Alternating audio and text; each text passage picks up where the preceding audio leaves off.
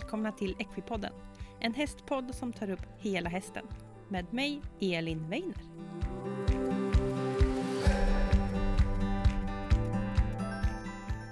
Hej alla Equipodden-lyssnare och välkomna tillbaka till ett nytt avsnitt av Equipodden. Eh, idag så fortsätter vi att lyssna på Per Valer. Och har du inte lyssnat på förra veckans avsnitt så tycker jag att du ska gå in och göra det först. För det här är en fortsättning, en del två eh, så att säga. Och Per Waler, eh, vem är då det? Jo, det är ju en dressyrryttare, eh, tränare som har ett fantastiskt system och ett sätt att tänka med hästarna som är väldigt eh, fint och väldigt viktigt att prata om och sprida tycker jag. Eh, jag själv, som jag sagt innan, jag satt lite i chock. Jag tyckte det var så intressant och så häftigt att lyssna på. Jag skrev ner febrilt allting han sa och bara ville suga åt mig all kunskap. Vi satt och pratade så länge så att det blev en del eh, två och det är den som kommer den här veckan. Och eh, i det här avsnittet så kommer vi att prata lite om eftergift och kontakt och, och vad är det och hur tänker man kring det?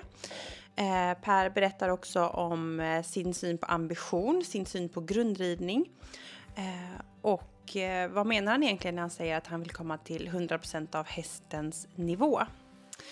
Eh, vi pratar också om eh, att jag kan offra någonting idag för framtiden, vilket kan kännas väldigt abstrakt. Men Per förklarar det här på ett väldigt, väldigt bra sätt. Så för er som har hört förra veckans avsnitt, ni vet att det här blir ett jäkla dunderavsnitt. Håll i er, för nu kör vi igång veckans avsnitt.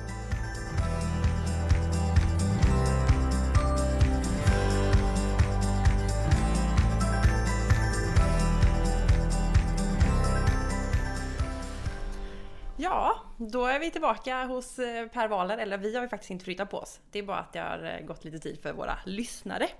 Och eh, i förra avsnittet så pratade vi ju om din, ditt system och din skala och vi har pratat väldigt mycket om olika saker och ting. Men vi har ju mer att prata om så vi kör en del två. Mm. Eller hur? Ja. det finns att prata om. Ja. Och då kan vi börja med för att i förra avsnittet så pratade du lite om, eller du sa eftergift eller att ge efter ska jag Mm. prata om. Så vi kan ju Mm. börja där. ja. Ehm, det är ett, ett lite ehm, tricky koncept. För har du... Ja, jag vet inte om jag, ska, om jag är för kontroversiell när jag säger... Har du eftergift i shar- sharia-lag när du har en, eh, en fru som, som gör vad du eh, kräver? Eller är det undertryck, förtryck? Ehm, jag har igen inget, inget eh, system vart hästen måste ge sig. Jag hade en elev en gång som, som sa till mig att ja men hon måste ju lyssna på mig och jag, sa, jag skrattade och sa att nej det måste hon inte.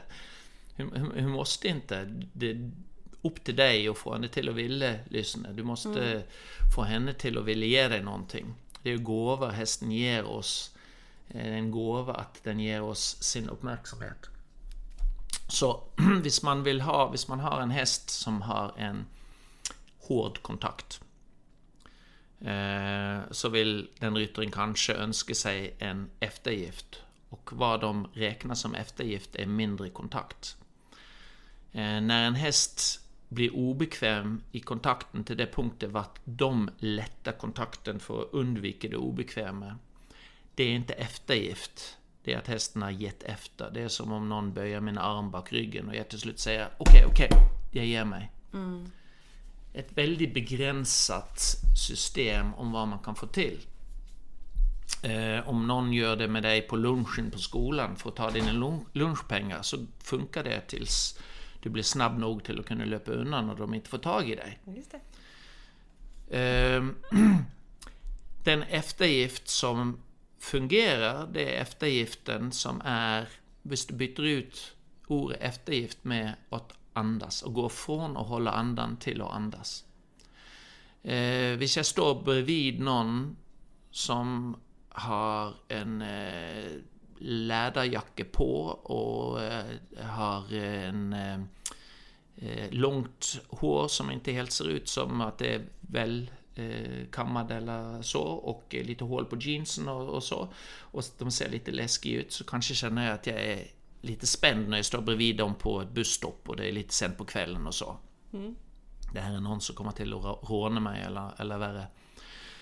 Så börjar individer prata med mig och det kommer fram att det här är en konstnär som har köpt en eh, bomber jacket på en second hand butik. Han tyckte den var häftig och eh, det är en intressant person som kanske tycker som mig på de flesta ting och plötsligt så känner jag att mina axlar de sänks och jag börjar andas. Mm. Då har jag fått en erfarenhet av den personen. Eh, kanske de har lurat mig och sen rånar de mig när jag inte är på vakt men det gör man bara en gång ja, just det. när det gäller ja. hästar. Eh, man kan inte lura en häst på det sättet och lyckas i längden. Så för mig är eftergift att hästen släpper tanken. Tanken som, spänn, som gjorde att de spände sig. Mm. En häst väljer aldrig att vara hård i kontakten, för det är obekvämt. Ehm, en rytter väljer att vara hård i sin hand, som skapar en hård kontakt. Så om man väljer bort det, om man säger jag ska inte vara hård, så skapar man heller inte en häst som för att försvara sig själv gör sig hård. Jag försvarar mig själv genom att göra mina magmuskler hårda om jag tror någon ska slå mig i magen. Mm. Eh, när jag har erfarenhet av en person och jag vet att de aldrig kommer till att göra det, så spänner jag inte mina magmuskler. För att kunna göra det, för att låta bli att vara hård på en innertygel eller på båda tyglarna, så måste jag välja bort resultaten nu. Kanske den hästen som jag ger handen för att undvika att den blir hård, lägger sig ned och går i en lägre form. Då säger jag okej, okay, that's where we are today. Det är vår arbete börjar, i den formen att jag kan ha en mjuk kontakt och inte säga till hästen du får skylla dig själv. För om du bara hade burit dig själv i den formen så vill det inte vara obekvämt. Du kan aldrig säga till en häst du får skylla dig själv. Den har ingen förståelse för det. Den kan inte resonera som, som vi gör. Mm. Um, och utan att jag ger hästen erfarenhet av att det är bekvämt och förutsägbart så kan jag aldrig skapa accept. Och där förlorar jag i längden, för en häst utan accept kan jag aldrig kommunicera med på ett sätt som, är, som gynnar mig om jag vill komma någonstans i utbildningen av en häst. Så eh, eh om en häst är ur svängebalans och blir stark på en innertygel så är den kun stark på innertygeln för vi håller dem från att falla in. Mm. Så hvis jag väljer väck att hålla den från att falla in, där faller den in. Men jag får ingen stark innertygel. Mm. Sen använder jag yttertygeln till att styra den ut. Där ställer den sig till utsidan. Mm. Där söker jag ännu lite mer yttertygel och den ställer sig ännu lite mer ut. Sen söker jag ännu lite mer yttertygel och till slut hittar jag någonstans vart jag hittar en kontakt på den yttertygeln som den faller ifrån. Och då börjar hästen gå rätt. Och när hästen går rätt så rättar den upp sin manke till mellan frambenen och slutar att falla in. Mm. Då har jag gjort två ting. Jag har rättat ur balansen, i varje fall tills jag kommer till nästa sarg och måste svänga i panik. jag har rättat obalansen och jag har jobbat med det som egentligen var problemet, eller ett av problemen, och det var att jag saknade accept på yttertygen. För när en häst är stark på en tygel från obalanser så är den alltid lätt på den motsatta sidan. Så du har en konkav och en konvex sida. Den starka sidan är aldrig problemet. Den blir ett problem om vi gör den till problem. Om man inte gör den till ett problem, om man ger efter med sin hand när hästen söker mer i kontakt och istället söker kontakt på, jag kallar det den blyga sidan. Mm. Och den blyga sidan blir kun mindre blyg genom att den vänjer sig till känslan av oss. Mm. Det är som om, om du är blyg och inte vill prata med mig och så går du in i nästa rum och, så är jag lite stalker, jag följer efter dig. Ja. Men jag pratar med dig och du får gå till nästa rum och jag följer efter dig och till slut så börjar du att känna att ja, det spelar ingen roll vart jag går, han följer efter ändå så jag kan liksom gott stå här och lyssna på honom. Ja. Och när du då finner ut att det jag säger är helt okej, okay, det är inte ja, någonting det. som du trodde som var negativt ja, då har du början igen på kommunikation. Mm, mm. Så jag, är aldrig, jag skapar aldrig konflikt på den starka sidan, men jag är lite stalker på den andra sidan. Mm. Med troen, som de flesta stalkers säkert har. Det, jag vet inte, jag ska inte säga att jag vet vad det är. Jag hoppas inte jag vet vad det är. Men jag gissar det är They're gonna love me when they get to know me. Ja? det. Ja. Och det är det jag säger på den, på den blyge tygen, den tygen som hästen släpper kontakten. Det är You're gonna love me when you get to know me. Ja. Och där skapar jag igen förutsägbarhet. Jag rättar obalansen och sen kommer jag med nästa fråga och nästa fråga och nästa fråga. Så det är tillbaka till systemet igen.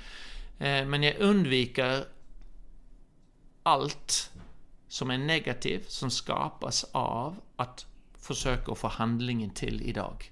Jag skiter i handlingen idag. Jag skiter i om jag må sk- må skritta i hela passet med, med händerna över öronen till hästen. Jag skiter i om den är ställt eh, 90 grader till utsidan i en sväng. Det spelar ingen roll.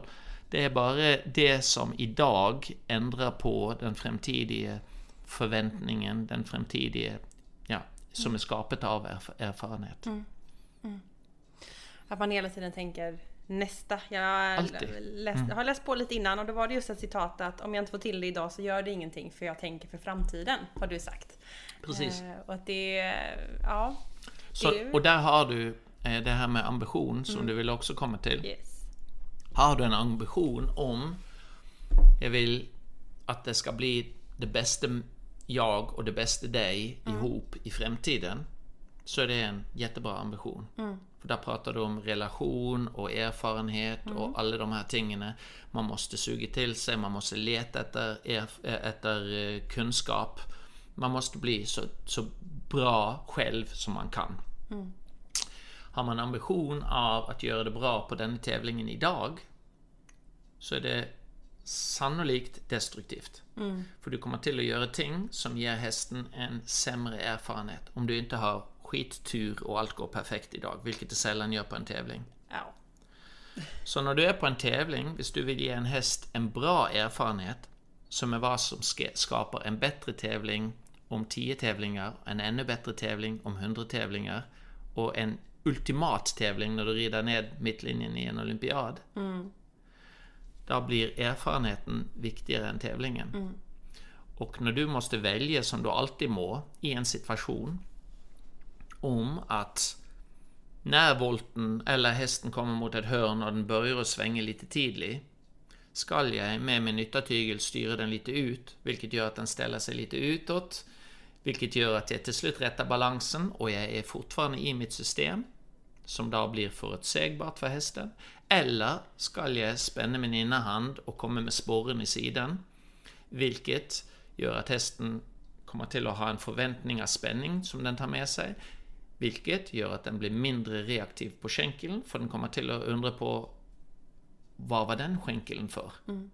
Det var en skänkel ur nödvändighet, inte en nyfiken skänkel på om jag bjöd fram.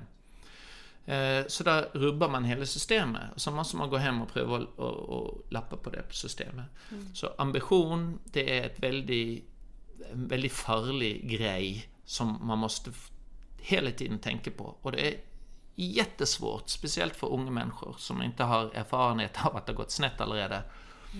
Att inte ha ambition av att göra det bra. Och det är en, eh, på, en, på en tävling. Och det är j- jättefarlig eh, ställe att gå. Det är ju väldigt, väldigt svårt. Väldigt svårt. Och det är väldigt abstrakt för människan Mm. att tänka någon gång i framtiden. Eh, Ja. Människan är ju väldigt konkret. Precis. Sådär i vårat sätt som vi är byggda. Ja. Men vad har du för tips och tankar om, om du säger att man möter en väldigt ung, väldigt ambitiös eh, elev eller ryttare. Man pratar ofta om att man ska ha mål, det ska vara uppsatta Mm. mål, det ska vara delmål och det ska vara väldigt konkret hela tiden. Vad har du för tips när man hamnar i det träsket?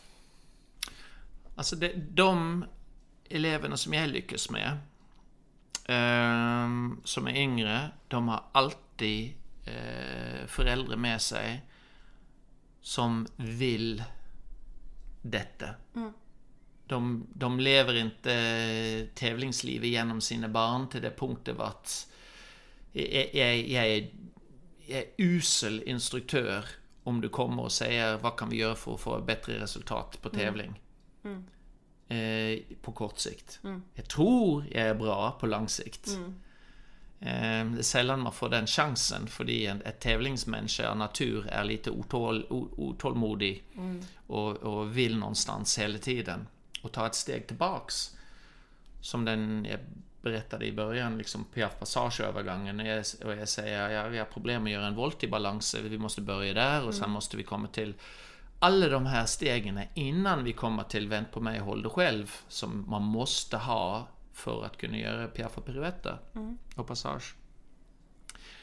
Det kan betyda att du måste, från en häst som har debuterat Grand Prix med ett oönskat resultat, gå tillbaks två år och göra om jobben den, om den har tillräcklig erfarenhet att det har satt sig. Ja, just Jaha.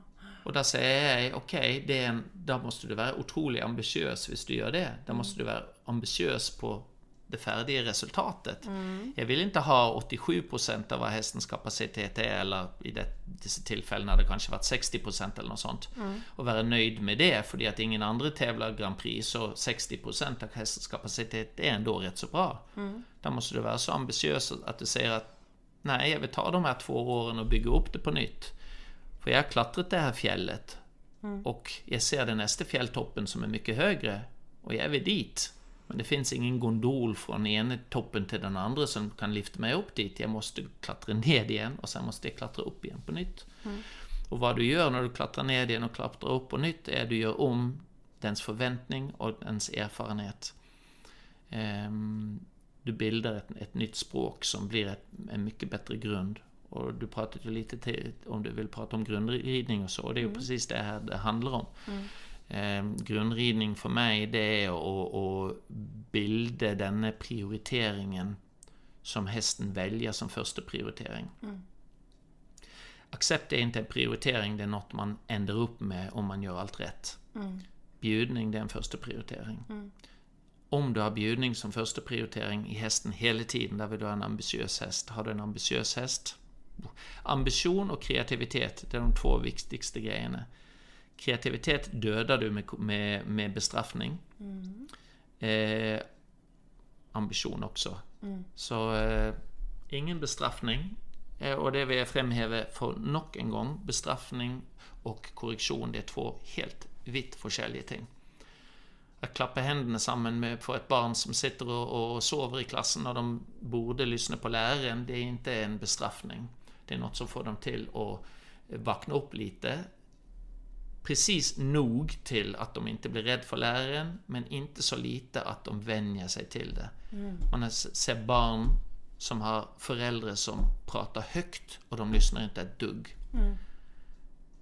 Eh, De har bara vant sig till att någon har skruvat upp volymen sakta men säkert genom livet. Ja.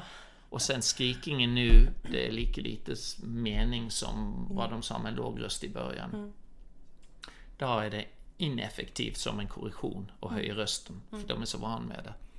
En person som alltid har varit viskat till, om någon pratar lite högre så hoppar de till. Det har Ja, en verkligen. enorm effekt för, på fokus och koncentration. Så igen, där har jag sagt det någon, nå- någon gång så jag inte blir beskylld för att bestraffa mina hästar varje gång de inte lyssnar på mig. Nej, men en, en, ja precis, lite uppmärksamhet. Ja. Och ehm, jag, jag tänkte jag skulle också ta in för att du har sagt många gånger att du vill uppnå 100% av hästens kapacitet. Mm. Kan alla hästar göra allting med rätt väg och utbildning? Nej. Nej. Jag kan inte få en, en varmblodstrava till att, till att galoppera i en, en eh, samlad galopp. No chance in hell. Det spelar ingen roll hur man tränar den. Den är inte avlet för det. För hade den varit avlet för det så skulle den aldrig vinna ett löp. De avlar ut galoppen. Eh, alltså, så, och hästar har forskjellig muskulatur.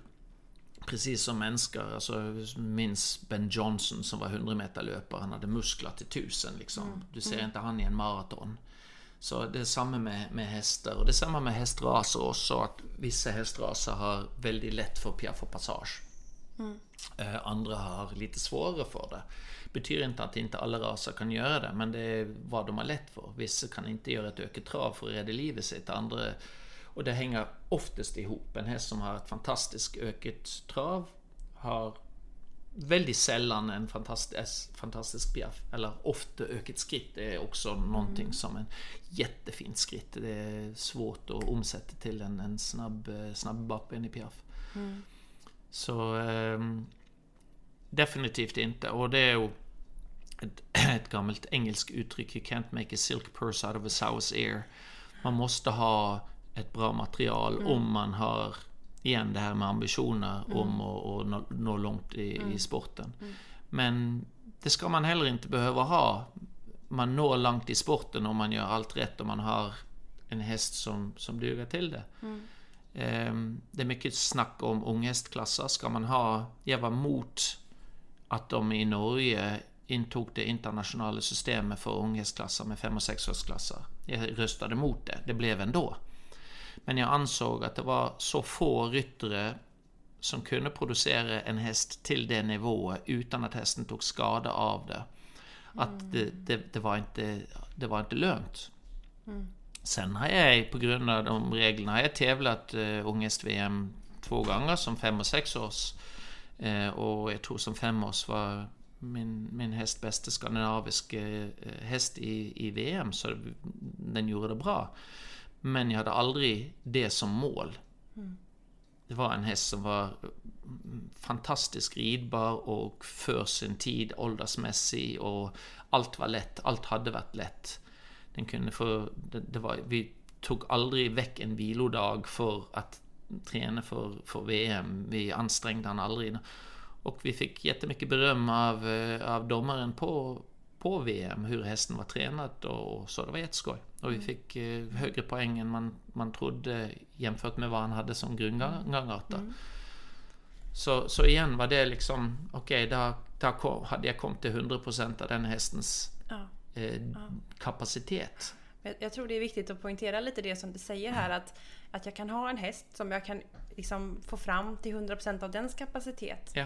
Och då kanske det är dags att byta häst om det är så att man själv vill vidare i sporten. Ja, det är och det att, enda eh, som är rättvist mot hästen. Ja, precis. Och mm. att hästen får vara någonstans där den där ryttaren och hästens nivå är liksom mm. att det lirar. Men det första man ska göra det är att, att verkligen se sig själv om det ens om det är ens egen brist eller brist på träningssystemet mm. som gör att du inte kommer vidare.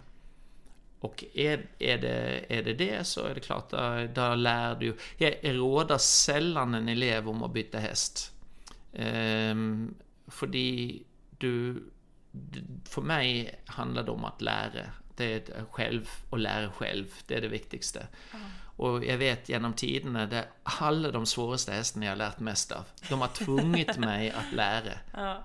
Ja. Eh, Velba, som jag tävlat Grand Prix i många år nu. Eh, hon kom till mig och var till salu. Eh, och jag gjorde en kontrakt som var i etterkant lite dum, var att jag gjorde på kommissionssalg, men jag insåg rätt så snabbt att det var inte en häst jag kunde sälja. Den, den liksom den, den tyckte inte det var skoj att göra en volt när jag sa kan du följa med en volt? Där st stannade den och sen tittade den ut i periferi och sen var jag lite mycket värt eh, hennes uppmärksamhet som en mygga, eller en mygga var värt mycket ja. mer uppmärksamhet. Ja. Och jag tänkte, hur ska man kunna träna en, en sån häst till någonting? och sen eh, har jag som jag sa i förra inlägg haft med Emily Kajsdotter att göra och hon har mött Velva och bara skrattade och sa att jo visst, eh, jag vet inte om Grand Prix för det har lite med Piaffe Passage att göra och det kan inte hon reda ut med kommunikation med hästen, men visst går det att träna. Eh, det är bara du måste bli duktig nog själv. Eh, så jag måste bli duktig nog själv till att hon skulle acceptera min inverkning. Mm. Eh, så varje gång hon säger nej så är min första respons, hur kan jag göra det annorlunda? Hur kan jag göra det bättre? Hur kan jag göra det mer bekvämt? Och som alla starka personligheter som man ser upp till i samhället, eh, Nelson Mandela och Gandhi och mm. name, name them all. Alla de som inte la sig ned och gav sig till övermakt. Mm. Ja, det är de individerna man respekterar som människor. Det är de man ser upp till. Det är de hästarna man måste se upp till, för det är de som gör en skillnad i, eh, i ditt liv. Uh, uh. Om inte du har ett, ett, ett dominansbehov mm. och eh, eh, tar det som en, en, en kritik som du inte vill ha. Mm. För det är, ju, det är ju en kritik till dig. Det hon gjorde var hon kritiserade mig. Det var inte, hon var perfekt i sig själv och med mig på ryggen så var hon inte perfekt. Det är mitt fel. Hon har helt rätt. Så var det. Så men sakta som säkert så, så blev det så och mm, sakta men säkert så blev det så att man blev så kär att det var inte aktuellt med försäljning. Nej. Så då var jag tvungen att köpa en ut för en, för mig en förmögenhet. Men jag har inte ångrat en, Nej. en dag. Det blev ju fantastiskt ändå. Ja, ja, det, det är inte...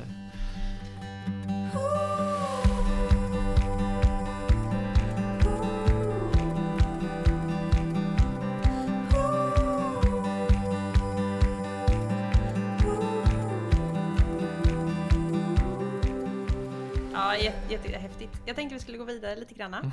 Och eh, då tänkte jag att vi skulle ta upp lite att rida bettlöst. Mm. För det vet jag att du gör en del och eh, pratar en del om. Mm. Eh, Så du kan väl börja med att berätta lite om Ska man göra det? När ska man göra det? Ska man göra det på Mm. alla hästar? Ska man bara göra det? Ja, nu, först och främst, det är ju den som ska berätta någonting vad man ska göra, men vad jag gör, det är... Eh, vi rider in alla unghästar eh, med sidepull. Mm. Och när det gäller bettlöst så är jag inte nog i favör av de flesta bettlösa varianterna, de som gör mekanisk eh, tryck. Mm. Eh, Det enda jag eh, tycker om det är sidepull och det är som en, en grimme som sitter lite bättre på plats och det är lite mer stabilt. Mm. Jag har den inte s- så väldigt stramt, det är inte nödvändigt med en sidepull. Ehm, Det använder vi på alla unghästar vid inridning. Sen fortsätter vi med det medan vi har bett hängande i munnen och sen till slut har vi tyglar på bettet och i sidepollen. Varför går vi till bett alls när det, när det fungerar med sidepoll? Ja, det är ju på grund av tävling och, och så, hvis man, hvis man vill det. Annars så är det, jag skulle kunna rida Vilma bettlös hela hennes liv, hvis det inte var för att jag ville komma ut på tävling om det är för att jag vill tävla på grund av mitt ego eller för det, det jag säger som kanske är en lögn, det vet jag inte. Att jag vill visa att det går på ett annat sätt, det, det får man... Det är inte säker på själv en gång. Men i alla fall, unghästar, gradvis över till bett, det undviker panik, det undviker farliga situationer, så det är en säkerhetsåtgärd i motsättning till vad förbundet säger om, om, eh, om bettlöst, så är det en säkerhetsåtgärd. Med hästar som har skador i munnen, det är hästar som, och otroligt många hästar har skador i munnen. Fråga de som driver med det, de som vågar säga något om det. Väldigt många veterinärer, de säger inte något om flera ting.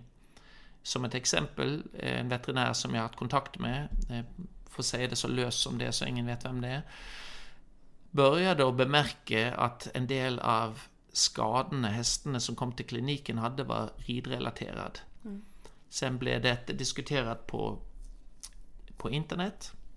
Och sen började han att förlora kunder. Så han var tvungen att sluta och bemärka att det var ridningen som förorsakat repetitionsskador. Folk som kom tillbaks. Jag red en av hästarna föran ägaren och veterinären och den gick rent efter fem minuter från att vara väldigt halt med ägaren, eller ägarens dotter. Ja. Varpå ägaren vänder sig till veterinären och frågar vart kan vi åka för att få en second opinion? Oj.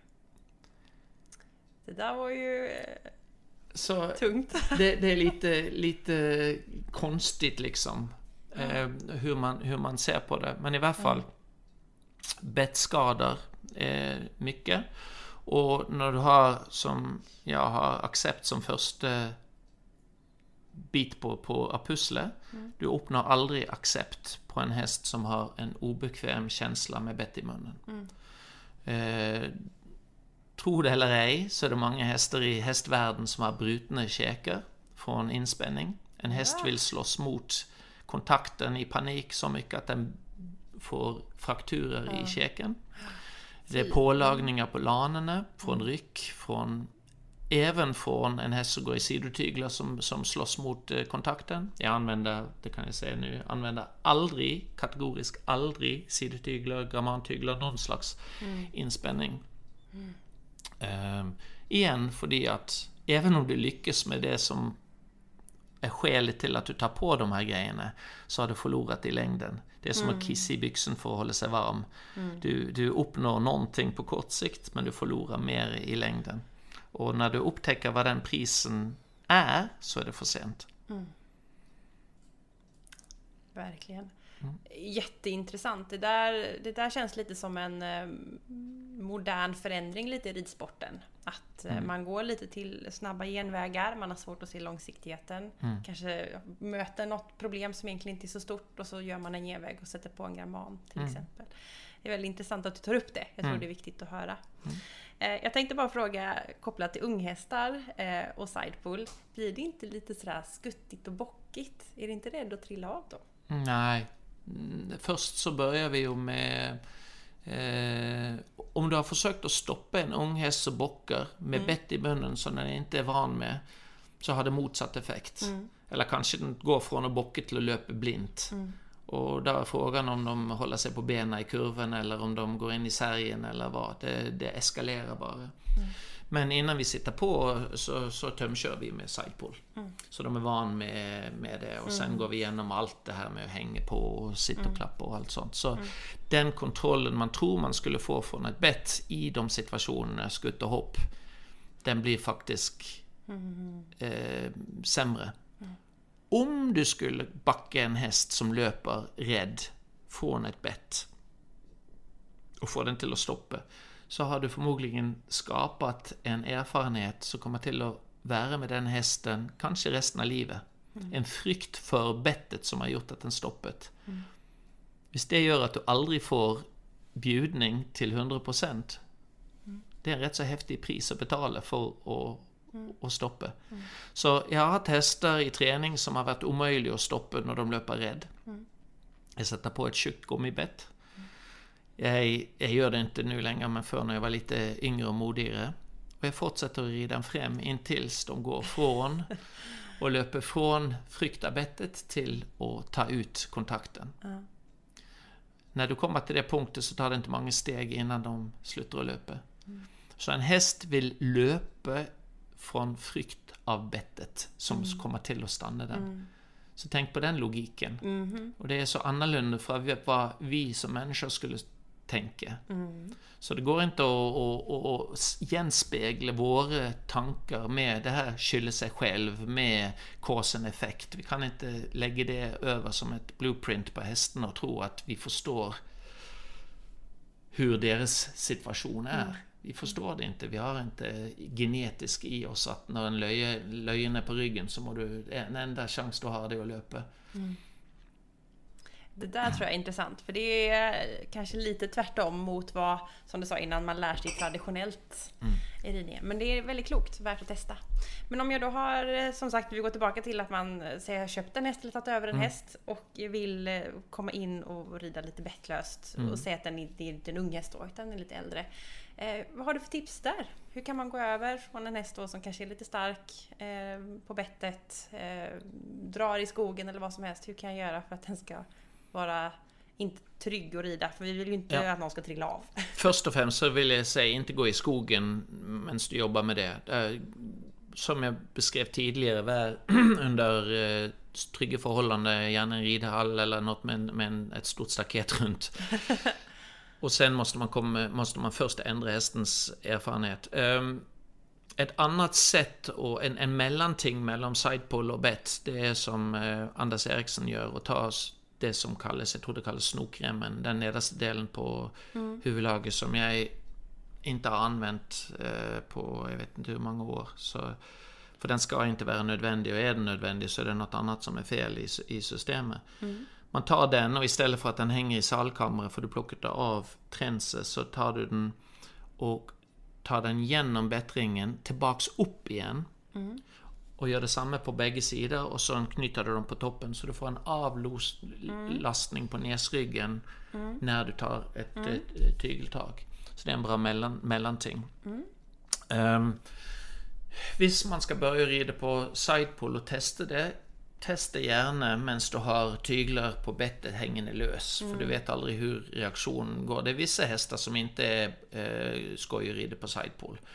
Eh, Om du har en stor nordsvensk eller mm. någonting sånt och den mm. vill eh, hem efter du, när du rider på hemvägen på tur och den får för sig att den ska trava så har du inte mycket du ska säga till. Um, om du börjar systemet från början med sidepole och du behåller följsamheten från början, för hästar är från början följsam mm. och de har förståelse, eh, då är det okej. Okay. Men eh, var väldigt försiktig när du går andra vägen. Mm. För om du allerede har den här paniken eh, byggd in i hästen från bettet, den kommer fortfarande till att löpa och du har inte ett suck med sidepole heller. Mm. Så eh, det är inte för alla uh, hästar, hästartyper. Du måste ha en viss känslighet för att det ska kunna fungera. Du har en känslighet i munnen mm. och på de flesta hästar så fungerar bett med små, små, små hjälpare. Det borde göra det. Um, jag glömmer lite vad hela frågan var, om jag, om jag inte har tagit tag i Nej, du är på helt rätt spår. Ja, ja. Eh, on side pulling ja. för alla. Ja. Mm. Så inte försökt eh, liksom i, i situationer ut på skog, i skogen och allt mm. sånt. Mm. Då kan det faktiskt hända att en mekanik, mekanisk hackamore kan vara en bättre, mm. bättre lösning på mm. just något sånt. Mm. Men i träningssammanhang så använder jag bara sidepole. Mm det är bra. Skickar vi med till mm. lyssnarna. Jag tänkte vi skulle gå in på en eh, sista sak som vi ska prata om innan vi ska avsluta. Och det är så att det är eh, en del lyssnare som har skrivit till mig och som eh, skriver lite uppgivet och frågar kring att man tittar på dressyr på TV eller live. Och man ser det vi har pratat lite om framförallt i förra avsnittet. Eh, höga nackar, springiga framben och lite sådana där stresssignaler hos hästarna. Och då har jag haft lyssnare som skrivit till mig Ska det se ut så? Vad har jag missat? Är det jag som tänker fel? Mm. Vad vill du skicka med till dem? Eh, de, ofta så är det inte de som tänker fel. Nu är jag verkligen på tunn is här, för att mm. För att det jag säger nu på den här podden, att någon ska lyssna på det här, så måste jag ha någon tävlingsresultat. um, och eh, det har jag en, en del. Man, ska, man, skulle alltid önska sig mer. Um, för att jag ska få tävlingsresultat så måste jag göra någonting som domaren ger ett högt poäng. Mm. Så jag är beroende av hur det, det jag gör blir dömd. Um, så det är egentligen ingen... De flesta tävlingsryttare som ger dig bilderna som du beskrev, deras största fel är ambition att göra det bra på tävling. Och kan man verkligen klandra dem för det? Kan man säga att ja, men det är oetiskt för att det är inte hälsosamt för hästen? Ja, så ohälsosamt vet jag inte om det är. Mm. Att det inte är idealt, det, är helt, det ser man ju för det att eh, som eh, Klaus Balkenhol sa, eh, att de flesta hästarna sju år äldre i Tyskland är på sjukhus. Så det är därför du inte ser dem igen. Liksom. Oj, ja. mm. och, och det är, att lyssna på Gerd Hauschmann så berättar ju han allt om, om check ligaments och hur unhealthy det är för dessa hästarna. Men jag vill inte gå in på det oetiska, för att där igen målar jag alla mina medtävlande ryttare som oetiska och det är inte så väldigt bekvämt för mig att mötas med dem på tävlingsbanan. Jag kan säga till dem skärp er, men jag vill inte säga mer än det. Eh, om man ser på andra sporter, eller ser på hundar för exempel, hundutställning. Man ser på schäfere, vad har hänt med schäfere? Mm. Vad har hänt med, med de här eh, bulldoggen eller vad det mm. heter med, med nosen som var där förr nu är det inte nos och de har alla slags problem. Vem är det så? Är det avlarna som har, har gjort detta? Ja, avlarna har gjort det och det är oetiskt sånt. Men vad gör en avlare? De vill mm. sälja hundar. Vilken mm. hundar säljer de? De säljer de som gör det bra på tävling. Yeah. Vem gör det bra på tävling? De som domarna ger poäng till. Yeah. Så för att det ska ändra sig, och jag har nästan gett upp på att det ska ändra sig, så måste domare som tycker det här är fel komma till en position vart de har inverkning. Men du kommer inte till den positionen om du tycker det är fel. Mm. Jag känner en del domare som har dömt internationellt rätt så höga tävlingar, som har gett sig. Eh, och de har berättat om att bli uthängt när de har dömt ned vissa ryttare och de har, de har gett upp. De säger att det är för, ett för stort system att slåss mot. Eh, jag har vänner innan klassisk dressyr som menar bestämt att skillnaden, skill- skiljepunkten när det började att gå fel, som de säger, det var när det kom ett beslut i FI att ehm, man skulle belöna eh, kvalitet. Och det kan ju alla säga, självklart ska man belöna kvalitet. Men om man tolkar kvalitet på det sättet som det blir tolkat nu, med extrem rörelse, utan att ta hänsyn till hur producerar du extrem...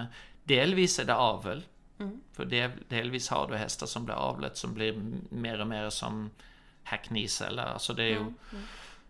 Men väldigt mycket går det på, på eh, träning. Du kan inte träna en häst klassisk till att röra sig på det på ett sätt med stora framben och, och lite bak. Det går inte. Jag har ingen lösning hur jag kan göra det. Jag är usel till det. Och jag vill inte vara bra till det heller, men igen, det, det, så kan jag vilja för det att jag är en arrogant jävel. Men det är mycket, mycket svårare om du tjänar till brödet på, på bordet genom tävlingsmeriter som ger dig kunder.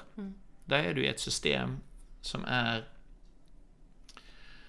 lite som Catch 22. Det är, du, kan, du kan liksom inte vinna i det systemet utan att, utan att följa det som är rådande från de övre makterna.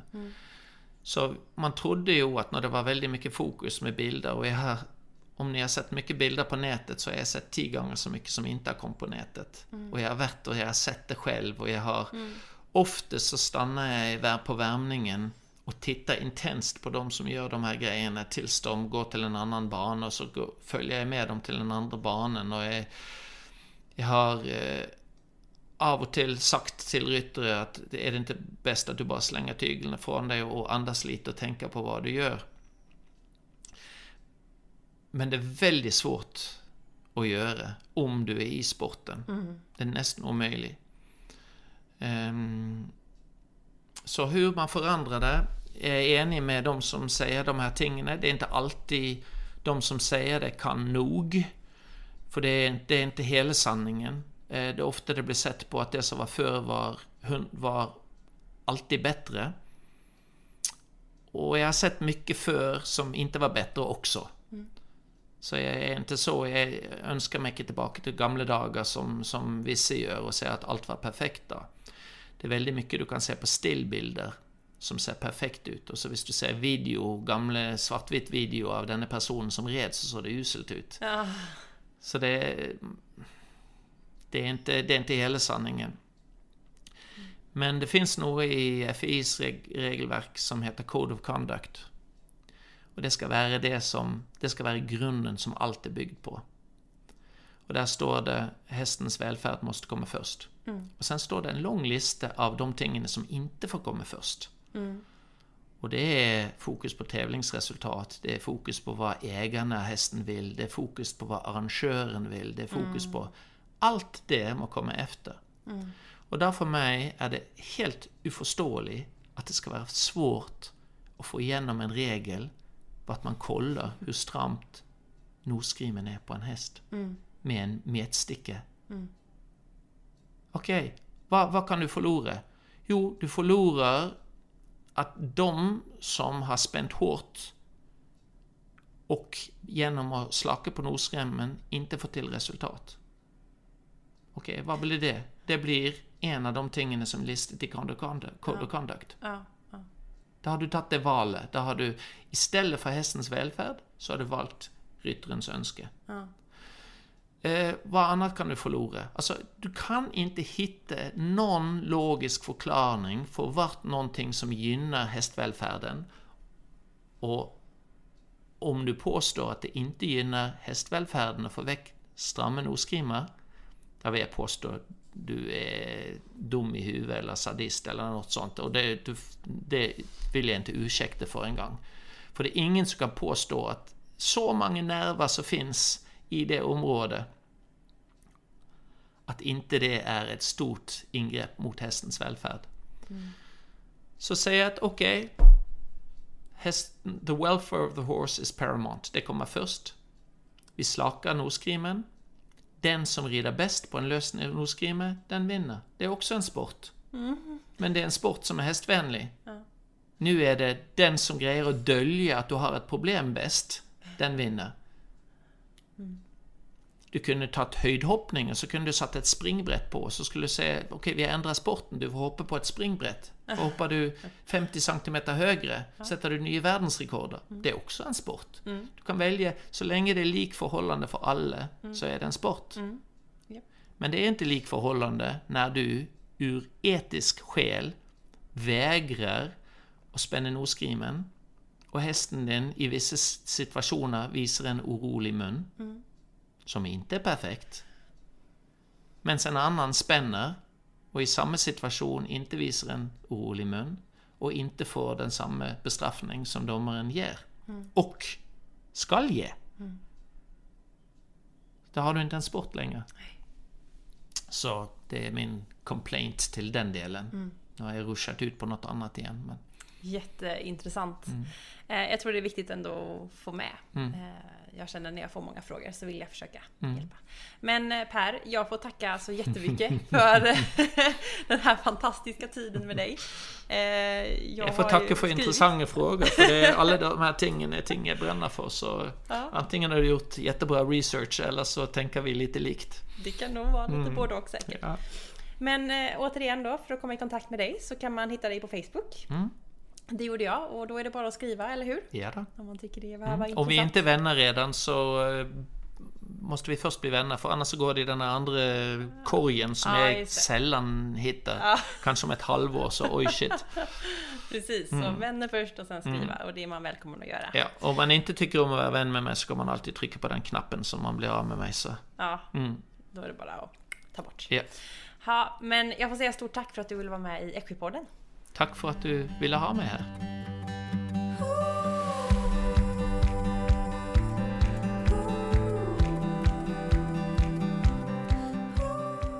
Ja, jag säger bara wow. Eh, tack så jättemycket Per för att jag fick komma hem till dig och få lyssna på all din kunskap och visdom. Det här är definitivt ett av mina favoritavsnitt, eller de här två avsnitten, och det är någonting som jag själv kommer komma tillbaka till och lyssna på och fundera på hur jag själv hanterar och rider med mina hästar. Så det ska bli jättekul att få med sig den här kunskapen framåt. Så stort, stort tack!